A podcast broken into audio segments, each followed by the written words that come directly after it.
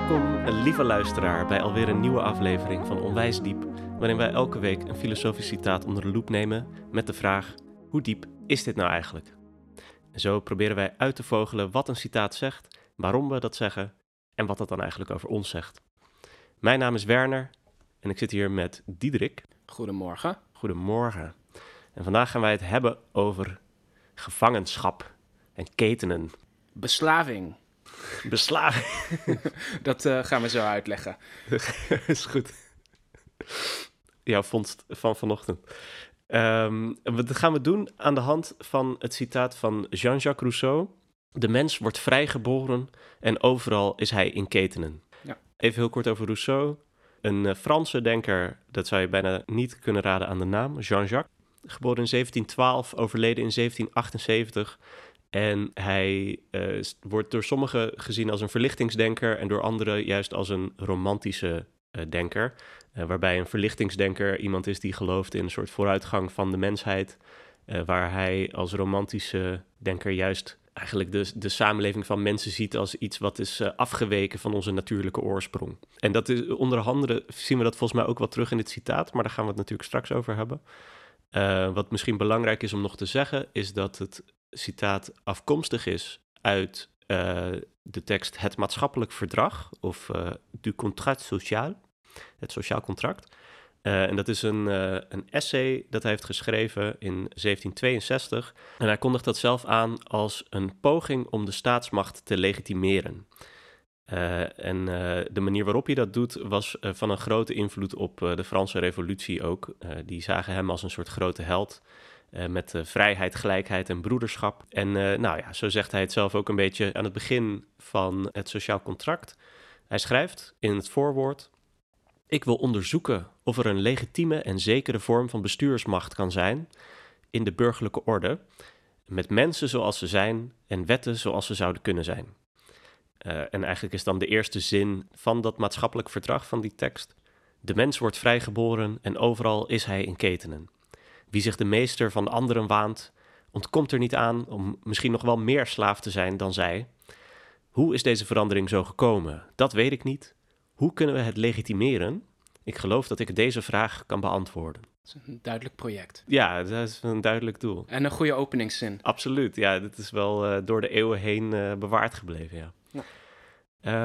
Uh, misschien beginnen bij de eerste indrukken, Diederik. wat, wat waren jouw eerste gedachten erbij? Ja, ik zei eerder al uh, beslaving. Ik, ik, dacht vooral aan een, een 19e eeuws boekje dat ik eens las van Edward Carpenter. En dat heet Civilization, Its Cause and Cure. En uh, daarin, daarin, beschrijft hij dan de, um, hoe de beschaving eigenlijk een tussenstadium is. Een soort stadium van ziekte zelfs voor de mensheid, waarvan de mens weer moet genezen of zo. Dus een soort terugkeer, of ik weet niet precies hoe hij dat uitlegt, maar dan een terugkeer naar een oorspronkelijke ja, vrijheid.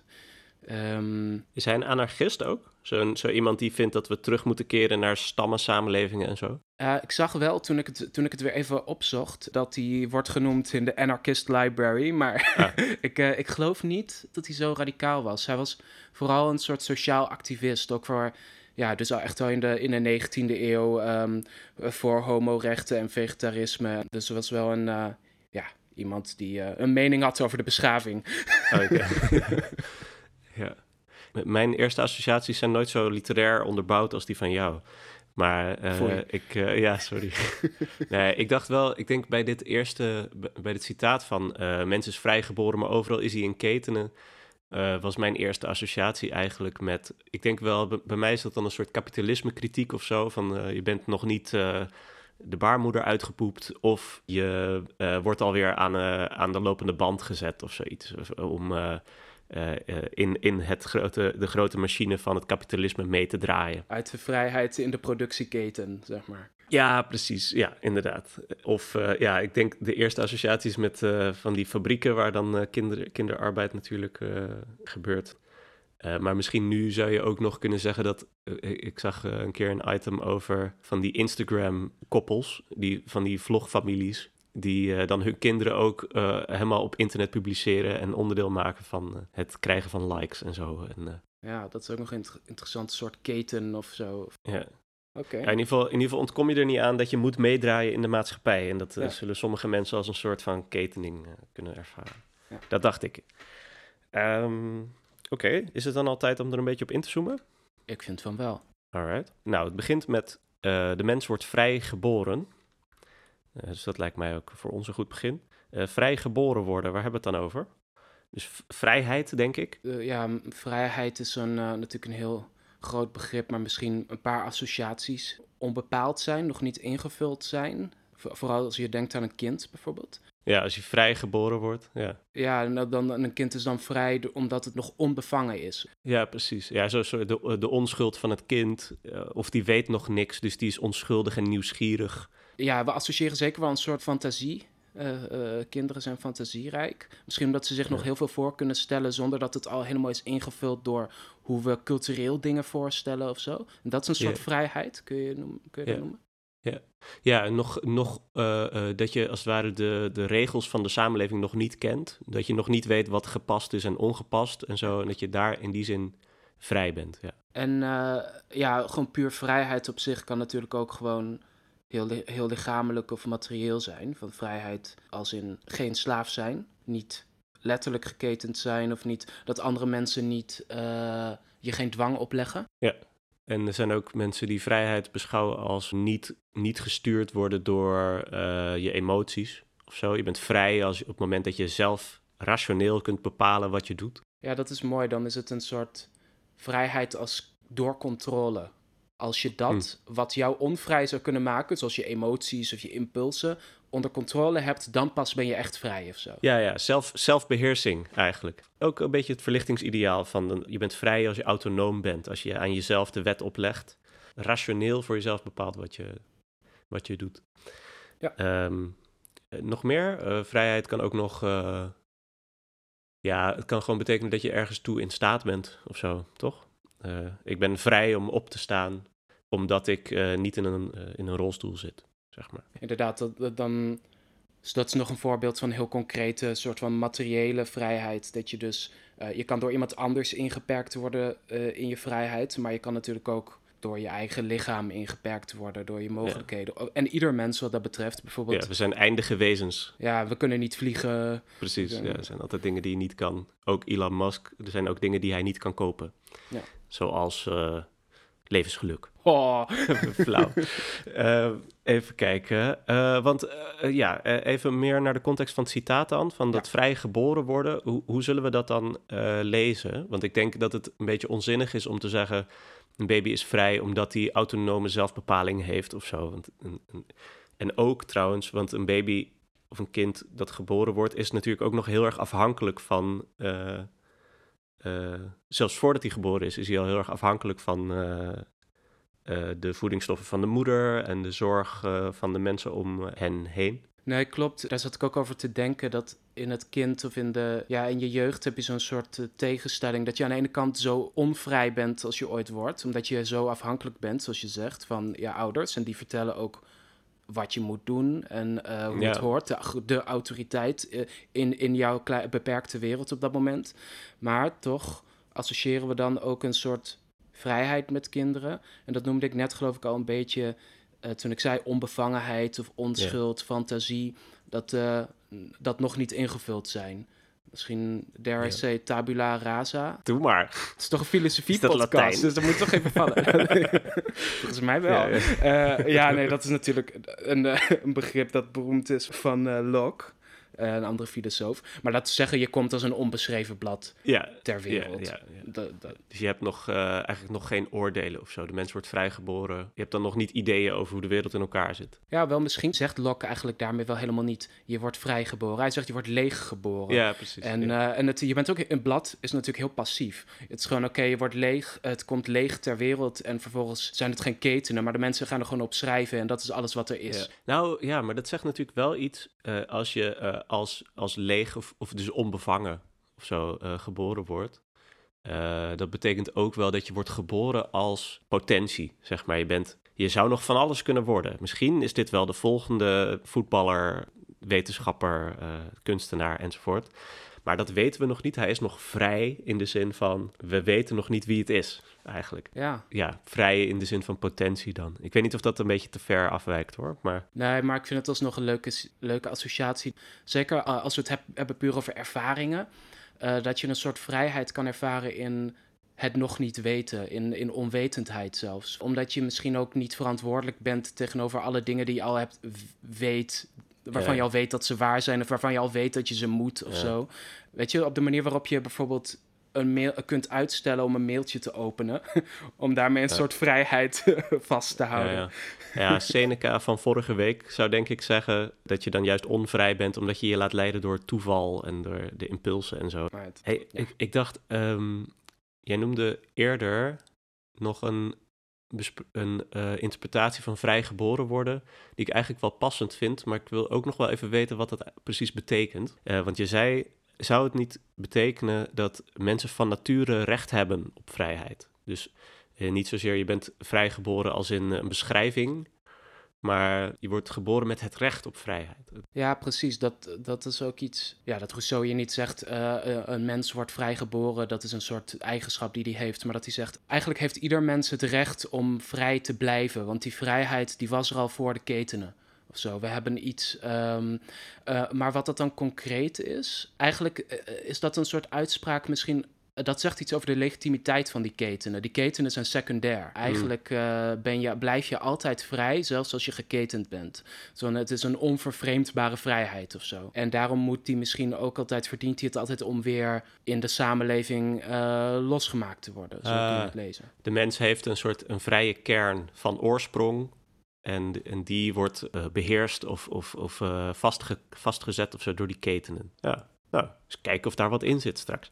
Uh, misschien mm -hmm. eerst nog even kijken naar uh, ketenen. Want dat kan dus ook wel weer van alles betekenen. Ja, we zeiden al beschaving. Uh, dat, was, dat was wel meteen mijn eerste associatie. Natuurlijk heel erg al ingevuld door mijn associaties bij Rousseau als persoon. Ja, ja, en misschien ook door de rest van het citaat. Want als ik je buiten dit gesprek zou vragen... wat zijn ketenen?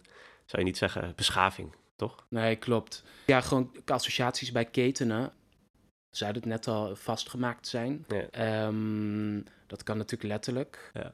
ja, een keten maakt je natuurlijk vast aan, aan de muur of aan een, aan een paal of zo. Hè? Een, een hond aan een, uh, aan een ketting. Maar wat ik wel grappig vind, is dat uh, uh, ketenen in, in vergelijking met tralies bijvoorbeeld geven ketenen je vaak nog een soort relatieve vrijheid. Een beetje zo'n enkelbandachtig idee van je mag binnen een straal van zoveel meter vrij bewegen. Maar er is een grens aan. Ja, het geeft een zekere vrijheid. En misschien kun je dan ook voorstellen dat verschillende ketenen langer zijn dan oh, andere. Ja, ja. Weet je, dat je meer vrijheid hebt in sommige ketenen dan in andere. Ja. Um, wat kan nog meer? Want het is niet alleen maar um, iets dat je in gevangenschap houdt, toch? Een keten. Een keten, ja, een restaurantketen is een beetje een flauwe associatie. Maar dan is het dan ja, een productieketen. Gewoon een keten. Ja. Het kan ook gewoon een serie van relaties tussen verschillende elementen of mensen zijn. Een, een keten van. van uh... Ja, aansluiting eigenlijk. Het zijn altijd ringen die op elkaar aansluiten. Ja. Of, of, of ja, een productieketen. Dat is het heel duidelijk. Duidelijke voortgang van de een doet iets en dan neemt de ander het over, zeg maar. Zo'n estafette-achtige uh, relatie. Ja, en je kan denken aan heel letterlijke vormen van um, geketend zijn, maar ook aan misschien psychisch geketend zijn. Zoals ook, uh, we noemden net al, vrijheid als je impulsen onder controle mm. hebben. Je kan je impulsen ook zien als een soort yeah. keten. En, of je angsten of yeah. je, je ideeën. Ja, precies, ja. Dus dat is psychische ketenen. Ja, goed punt. Ja, laten we dan even iets, inderdaad wel iets verder uitzoomen naar wat betekent het dan eigenlijk in dit geval van dit citaat van uh, dat de mens in ketenen is. Want ja. je kan uh, zeggen, uh, de mens is inderdaad een soort van gevangen. En dan is het inderdaad de vraag van wat zijn die ketenen in dit geval? Mensen zijn gevangen door hun emoties of door de beschaving. Hm. Of door, door je eigen afhankelijkheid van voedsel en zo bijvoorbeeld. Ja, zo door de driften. Want bijvoorbeeld je bent een vrije ziel, maar dan zit je in een lichaam en dat geeft je allerlei ketenen van behoeften. Ja, want het is natuurlijk wel, ik zou, ja, misschien gaan we dan, uh, lopen we er een beetje voor, op vooruit, maar ik ben ook wel benieuwd of het gewoon klopt. Wat ja. zouden we zeggen als de, dat de mens um, in ketenen is? Klopt dat dan? Want ik zou wel zeggen van ja, uh, je bent natuurlijk altijd in vormen van afhankelijkheidsrelaties. Zelfs als je een kind bent, ben je geketend aan de borst van de moeder. of aan de poedermelk. Ehm, of naarmate je groter wordt, ben je natuurlijk ook geketend aan je vriendschappen die, van mensen die dingen voor je regelen soms. Of aan de samenleving als geheel die jouw collegegeld betaalt. Of die in ieder geval het lenen ervan mogelijk maakt enzovoort. Maar ik weet niet of ik dan zou zeggen dat het ketenen dat klinkt zo gemeen. Klopt. Ja, dat is ook iets. Want mijn neiging is, was wel meteen om het negatief te lezen. Als in overal is de mens in gevangenschap. En gevangenschap is niet leuk. Ja. Um, maar een alternatief idee is dan: elk mens is uh, afhankelijk op allerlei manieren van alle andere mensen en van, ook van zijn lichaam, et cetera. En dat is niet zo'n probleem. Dat is gewoon een staat van hoe we zijn. Uh, niet een onrecht, maar een omstandigheid. Of zo. Ja. ja, zoals die productieketen, zeg maar, ben je afhankelijk natuurlijk van mensen die jou iets aanleveren of afnemen. Zo ben je, sta je in sociale relaties die jou tot op zekere hoogte ook uh, bepalen. Of waar jij in zeker, tot op zekere hoogte afhankelijk van bent. Ja. Maar wat betekent het dan dat de mens vrij wordt geboren? Want misschien dat ik dat dan niet meer kan begrijpen op het moment dat je zegt, ja, dat is wat ketenen betekent. ja, inderdaad. Als je zegt, uh, elke mens bevindt zich in een grote hoeveelheid sociale relaties. Je kan je niet echt een mens voorstellen zonder al die relaties. Dus wat is dan nog de mens voor of los van die relaties. Ja, en, en, en, een, en een baby, een, uh, een foetus, voordat hij geboren wordt, is natuurlijk ook al eh, in allerlei ketenen. Dat is, dat dan in het lichaam van, uh, van de moeder. Maar dan ben je wel afhankelijk van een bepaald soort voedselvoorziening. Voordat een, een kind geboren wordt, is er al een hele hoop voor diegene geregeld. Dus in die zin ben je ook al in ketenen voordat je geboren wordt. Of ben ik dan flauw aan het doen? nee, nee, nee, helemaal niet. Ik vind, dat juist, ik vind juist dat de vraag die daarbij opkomt... is of de vrijheid iets is wat je al uh, het meest oorspronkelijke wat we hebben... dat we vrij geboren worden en vervolgens op allerlei manieren vastgeklonken... of dat we juist als kind volledig afhankelijk zijn en dat we gedurende ons leven een vrijheid realiseren. Dat vrijheid iets is wat later groeit of zo. Bijvoorbeeld doordat je eerst groeien op met één systeem, één set regels, één autoriteit of twee, weet je, in een gezinssituatie. Dan krijg je, uh, kom je op school en langzamerhand ontdek je dat er verschillende manieren zijn Zelfs als je altijd bepaalde ketenen hebt, dat er niet één set is waar je de rest van je leven aan vast hoeft te zitten. Of dat je bijvoorbeeld ontdekt met dat eerdere beeld dat je met je ketenen een beetje rond kunt lopen of zo. Ja, uh, maar dat is iets wat je moet ontdekken. Ja, dus je zegt je wordt misschien uh, geboren en dan ben je aan een opvoeding geketend. Maar die opvoeding die ontgroei je natuurlijk ook op een gegeven moment. Zodra je met meerdere perspectieven in contact komt of zo, dan kun je je eigen verhouding ontwikkelen. Maar die potentie of die, dat recht daarop, op die vrijheid, dat is altijd al in jou aanwezig of zo. Ja, goed, dat, dat is natuurlijk een heel filosofische discussie. Is die potentie er dan, als blijkt dat je bijvoorbeeld op latere leeftijd pas een soort vrijheid ontdekt of realiseert, betekent dat dat je altijd daartoe in staat was? Ja, daar valt voor, wat voor te zeggen, maar ik lees dit citaat dan toch misschien eerder als in de context van vrijheid als recht. Ja, weet je wat ik uh, dus in, in, in relatie hiertoe, de eerste keer dat ik dit citaat uh, opschreef, of zoals ik het in mijn hoofd had ook, uh, was de mens wordt vrij geboren, maar overal is hij in ketenen. Uh, en wat Rousseau zegt is, de mens wordt vrijgeboren en overal is hij in ketenen. Uh, dat, dat, maar, dat impliceert een soort tegenstelling van je hebt uh, of je hebt vrijheid of je hebt ketenen. Maar juist als we het lezen zoals het er staat, de mens is vrijgeboren en overal is hij in ketenen, dan hoeft dat misschien niet als een tegenstelling gelezen te worden. Ja, je kan natuurlijk die en in het citaat ook retorisch lezen als dat hij wel maar bedoelt. Maar ik vind het alsnog een goede lezing om te overwegen. Ik vind het wel een legitiem punt. Omdat misschien maakt het verschil tussen of je het leest als een klacht over het geketend zijn. Of dat je het leest als een constatering van laten we nu naar de samenleving kijken, naar al die ketenen. Of, of uh, uh, wat je daar dan onder verstaat. Uh, En bepalen wat we daar dan vervolgens mee moeten doen. Ook een beetje, ik denk nu ook aan zijn uh, wat je aan het begin voorlas. En die doelstelling, ja. Ja, aan die doelstelling van um, hoe moet de staat worden vormgegeven? Yeah. Hoe moeten de ketenen vormgegeven worden om recht te doen aan de vrijheid of zo? Ja, hij zegt zelfs, um, dus hij, hij, hij zegt, uh, uh, de mens wordt vrijgeboren, overal is hij in ketenen. Hoe kunnen we het legitimeren? Ik denk dat ik deze vraag kan beantwoorden. Dus hij, hij wil eigenlijk die situatie met die ketenen op een bepaalde manier rechtvaardigen. Of hij wil erover nadenken om te kijken welke ordening van ketenen gerechtvaardigd is. Hmm. Ja, dan ben ik geneigd om toch te zeggen van uh, wat hij zegt is, uh, je bent als mens altijd afhankelijk van anderen en over hoe die relaties moeten worden geordend. Dat verschilt, daar kunnen we verschil in maken zelfs. En als we dat nou goed doen, dan, eh, dan zijn die ketenen eh, niet per se iets slechts. Maar blijkbaar kan, kunnen die ketenen ook slecht zijn. Ja. Maar dan begrijp ik nog steeds dat vrijgeboren geloof ik niet helemaal. De- want dan, ja, weet niet, een beetje met de vergelijking van als baby ben je juist, en ook voordat je geboren bent, ben je juist heel erg afhankelijk. En zijn er al heel veel wetten over wat wel en niet eh, mag gebeuren met de ongeboren kind enzovoort. Waardoor je al voordat je geboren bent en, en eigenlijk voordat je verwekt bent, bijna al ehm, aan allerlei eh, ketenen bent onderworpen, toch? Ja, en dan, dan wordt vrijheid daarmee automatisch iets, eh, om te beginnen, mysterieuzers. Ja. Eh, daarom greep ik ook meteen naar een ehm, interpretatie als zo'n soort abstracte recht of een abstract, eh, abstracte essentie of zo. Omdat je inderdaad, ja, als je heel concreet gaat nadenken over die ketenen, dan verdwijnt de vrijheid een beetje uit zicht van wat is er dan nog over. Je kan niet zeggen, oké, dit is het vrije element van de baby of van het kind. Eh, het is ook meer iets wat we eraan toeschrijven door bepaald gedrag. Bijvoorbeeld dat een kind heel veel eh, vragen stelt. Misschien is het wel goed om op te merken daar dat eh, we inderdaad nooit, dus eigenlijk vanaf de verwekking, eh, eh, niet zonder ketenen zijn.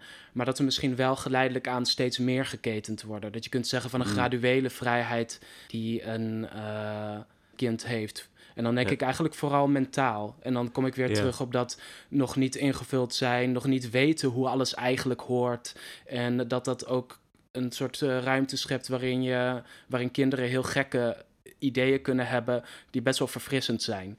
Weet je? Ja, vind ik wel grappig, omdat het precies het tegenovergestelde is, volgens mij, van wat je net zei. Waar je, waar je zei, ja, naarmate je volwassener wordt en, en Ja. meer perspectieven leert kennen, ben je vrijer. Klopt. Terwijl je dat nog helemaal niet bent wanneer je als kind wordt geboren, want dan heb je maar één opvoeding gehad. Ja, en dat, dat is ook waar ik mee zat. Dat het een beetje verschillende dingen zijn die we allebei vrijheid noemen, maar die best wel, ehm, Ja, absoluut tegengesteld zijn. ja, die ik niet zo goed met elkaar kan. Maar dan gaat het toch om vrijheid in een ander opzicht of zo. Ja, het is wel, kijk, wat je kan zeggen is dat een kind zich helemaal geen zorgen maakt. Hm. Zeg maar, die huilt als hij huilt. Dat is toch ook het, eh, Taoïstische ideaal? Een Taoïstische meester zit als hij zit, loopt als hij loopt en eh, weet ik veel. Ja. Een kind die is gewoon in het moment. En in die zin is hij vrij van allerlei eh, bezorgdheid over of hij straks wat te eten heeft. Want hij, ja, hij weet niet beter. Maar dat is natuurlijk ook een vrijheid die gegarandeerd wordt door zijn ketenen, doordat andere mensen zijn eten voor hem regelen. Ja, ja, een ja misschien moeten we dan zeggen, een, een, wanneer een kind geboren wordt, is hij zich niet zo bewust van de ketenen waar hij al in zat. En daardoor voelt het alsof hij vrij was. Oké, eh, hebben we genoeg besproken om over het citaat als geheel iets te zeggen nu? Van, eh, zijn we het ermee eens? Klopt het? Eh, hoe diep is het? Ja, ik geloof het wel. Hoewel ik nog niet meteen weet wat ik er nou van vind. Ook om, juist omdat als ik de, de samenleving, de beschaving in een eh, zwaarmoedige bui zie als ketenen, dan, ehm, dan zeg ik misschien tegen mezelf: Ja, god, ik ben toch vrijgeboren. En waarom moet ik de hele tijd alles doen wat, wat mensen me vertellen? En ook bijvoorbeeld verantwoordelijkheden. Ik denk dat dat ook iedereen kent, die ervaring natuurlijk. Ja. Eigenlijk, dat is al het zinnige wat ik te zeggen heb over of ik het ermee eens ben. Eh, ben je het er dan wel of niet mee eens? Ja, als in dit is iets wat ik wel eens voel. Ja, ja. Eh, en, eh, eh, maar als jij zegt, de mens wordt vrijgeboren en overal is hij in ketenen, daar ben ik het ook mee eens, omdat het een constatering is van hoe dingen in elkaar zitten. Of nou, nee, dat weet ik eigenlijk niet. Vinden we inderdaad dat mensen vrij zijn los van die ketenen? Ja, ik heb er nog niet een manier gezien waarop dat kan als je die ketenen die minder zwaarmoedige interpretatie geeft. Ik kan me voorstellen dat je zegt, ja, toen je een kind was, toen was je nog, eh, had je nog vrije tijd en eh, ging je gewoon naar school voor je plezier en eh, dacht je nergens over na. En nu is dat wel zo. En dat je daar, dat je met allerlei volwassen verantwoordelijkheden te maken hebt. Dat zijn de ketenen en dat had je nog niet toen je kind was. Dan ben ik het er eigenlijk niet zo mee eens ja, misschien als baby vragen mensen nog niet zoveel van je, maar dat is omdat je nog niet zoveel kan. Hè, zodra je zelf kan lopen, gaat een vader of moeder je niet meer ophalen waar je zat. Met je mogelijkheden groeien ook je verantwoordelijkheden. Ik eh, zie een verwijzing naar Spider-Man. Eh, maar eh, dan zie ik niet zo goed hoe je vrij geboren bent. Dan zeg je, voor zover de vrijheid is, ontstaat die pas als een soort relatieve vrijheid in verhouding tot alle ketenen Ja. waar je altijd in Ja, bestaat. dat zou ik Een soort je- bewegingsruimte of ja, zo. precies. Als je die verantwoordelijkheden van het volwassen zijn, dat dat de ketenen zijn en de machtsrelaties die erbij horen, dan zie ik niet helemaal ehm, hoe, je, ja, hoe je dan vrij geboren bent. Eh, omdat je ook als kind juist aan heel veel eh, eh, regels moet houden en zo. En ook als je die ketenen wat vrijer of wat, wat, wat breder interpreteert van ketenen zijn eigenlijk gewoon de relaties die je met andere mensen hebt, dan zie ik ook niet zo goed waar die vrijheid dan kwam kijken of zo. Mm-hmm. Behalve dus als vrijheid alleen nog maar zoiets betekent als niemand weet wie je bent. niemand spreekt je aan, want je zit nog in een buik. Ja, in dat opzicht ben ik het met je eens dat ik die vrijheid niet, niet zo vind. Of het vrijgeboren zijn. Maar ergens ergens wil ik toch ook wel zeggen, de beschaving en hoe, uh, uh, een beetje als hoe mensen de dingen doen op de plek waar jij toevallig geboren wordt, dat is niet absoluut. En als je zegt dat is niet absoluut, Um, jij bent niet het eigendom van die beschaving en, jij moet niet voor goed altijd de dingen doen zoals die beschaving zegt dat je dat moet doen. Uh, in dat opzicht uh, krijg je wel weer een soort idee van, oh ja, blijkbaar heb je een soort uh, vrijheid die bij jou hoort. En ja, misschien, misschien inderdaad niet, dan moet je vr vrijgeboren iets, iets algemener opvatten. Dus niet denken aan de pure geboorte van een kind, maar meer als ieder mens is een, in principe een vrij wezen of zo. Ja, ik weet ik kan dan toch ook alleen nog maar het lezen als dat je vrij bent bij gratie van je verbinding met andere mensen, toch? De, de mogelijkheden in jouw leven die ontstaan pas wanneer je in relatie treedt met andere mensen. Uh, ja, maar je kan wel redeneren van het is juist door de confrontatie met die ketenen dat je iets over jezelf ontdekt Namelijk dat je eigenlijk helemaal niet hoeft te doen wat andere mensen zeggen dat je moet doen. Als kind doe je dat natuurlijk van nature omdat je niet beter weet. En op een gegeven moment ontdek je, hé hey, wacht even, al die tijd had ik kunnen doen wat ik wilde, maar ik ging gewoon mee met, weet je, en dan zit je echt weer ja, in verlichting. Nee, maar, ja, maar ik bedoel wel, eh, eh, dus mijn punt is dat dat besef, dat kan pas ontstaan binnen de ketenen waarin je zit. Ja, ja, ja, ja. En je kan dan niet zeggen, ik werp mijn ketenen af en nu ben ik vrij ja, want dan ben je vrij alleen maar als je in een hutje op de hei woont waar niemand komt. En waar jij je eigen koolrapen uh, verbouwt of zo. Dat zou ik niet. Ik, volgens mij is dat ook niet waar Rousseau nou heen wil. En het is ook niet de vrijheid die een kind heeft voordat het geboren wordt. Oké, hey, uh, zullen we door naar uh, een beoordeling? Of uh, ja. willen we er nog wat over zeggen? Nee, nee, nee. Ik heb een zegje gezegd. Okay. Hoe diep zou je zeggen dat het is? Vind ik hier heel lastig. omdat het een, um, dat is een beroemd citaat. En ik denk dat heel veel mensen hierdoor een beetje geïnspireerd zijn. Weet je, als ik uh, in anarchistische kringen of zo. Weet je. Maar dan ja, is het ook meer vanuit door de persoon Rousseau. Ja, maar mensen worden ook geïnspireerd door hele oppervlakkige, domme dingen. Hè? Ja, dus uh, dat zegt niks over de diepte. Ik vind het geloof ik niet super diep. Ik ook, ik ook niet. Ik, jammer. Het is ook een beetje, ook, ook zelfs vanuit jouw um, um, lezing als constatering. En dat je dan na kunt denken over hoe je gebonden bent. Uh, ja, uiteindelijk had dat niet per se dit citaat hoeven te zijn. Je kan gewoon een, iets zeggen over, ja, eigenlijk uh, zijn we enerzijds vrij, of lijken we enerzijds vrij, maar aan de andere kant zijn we ook alweer heel erg afhankelijk en staan we in allerlei relaties. Um, ja, ik weet niet, dat is gewoon de diepgang van de discussie, maar niet van dit citaat, geloof ik. Ja. Ja, ja misschien, ik denk dat het, dat het lastig is, dat waar, waar wij tegenaan liepen, ook in de bespreking, is dat uh, het woord uh, vrijheid in tegen, gewoon nu, tegenwoordig, uh, nogal vrij opgevat kan worden. uh, en dat, dat je er zoveel verschillende dingen mee kan bedoelen, dat daardoor um, uh, het eigenlijk heel moeilijk is om hier nog een duidelijke betekenis aan te hechten. Want het kan echt van alles betekenen. Uh, en die, ja. ke die ketenen die, die, die veranderen een beetje mee met de interpretatie van vrijheid. Dus, maar diepgang, je vindt het dus ook niet zo diep? Ik vind hem niet, ja, nee. Ik zou, ik zou willen zeggen dat je de mens is overal in ketenen, dat dat nog wel uh, klopt, maar dat heeft ook niet zoveel diepgang. En de mens is vrij geboren, dat is volgens mij gewoon onwaar. Ja, in, de meeste, in ieder geval in de meeste in, in, opzichten. Ja, in de, als je het interpreteert als niet in ketenen. Ja, inderdaad, als, je uh, als een beschrijving van iets van de mens, uh, in plaats van als bijvoorbeeld een, uh, een recht dat hij zou moeten hebben of ja, zo. Dus ik neig naar vijf, vier misschien zelfs. Wat zou je zeggen? Ik vind een vijf nog wel, ja? ja? Nee, ik geef hem nog wel een 5, omdat het ook een mooi citaat is. Zeg maar, dat is gewoon je opening van zijn tekst, toch? Klinkt wel mooi. Ja, het, is, het heeft wel power. Dat, maar, heeft wel, dat heeft ook wel waarde, vind ik. Maar ja, maar dat is niet hetzelfde als diepgang, zou ik wel willen zeggen. Technisch gezien is dat geen deel van onze beoordeling, Diederik. Oké. Okay. nou goed. Uh, Oké, okay. hey, dankjewel voor het gesprek. Ja, jij ook. Um, wat gaan we volgende week doen? Een citaat van Goethe. We hebben er geloof ik al eentje gedaan over kunst. Maar dit, eh, volgende week gaan we het hebben over een citaat dat luidt...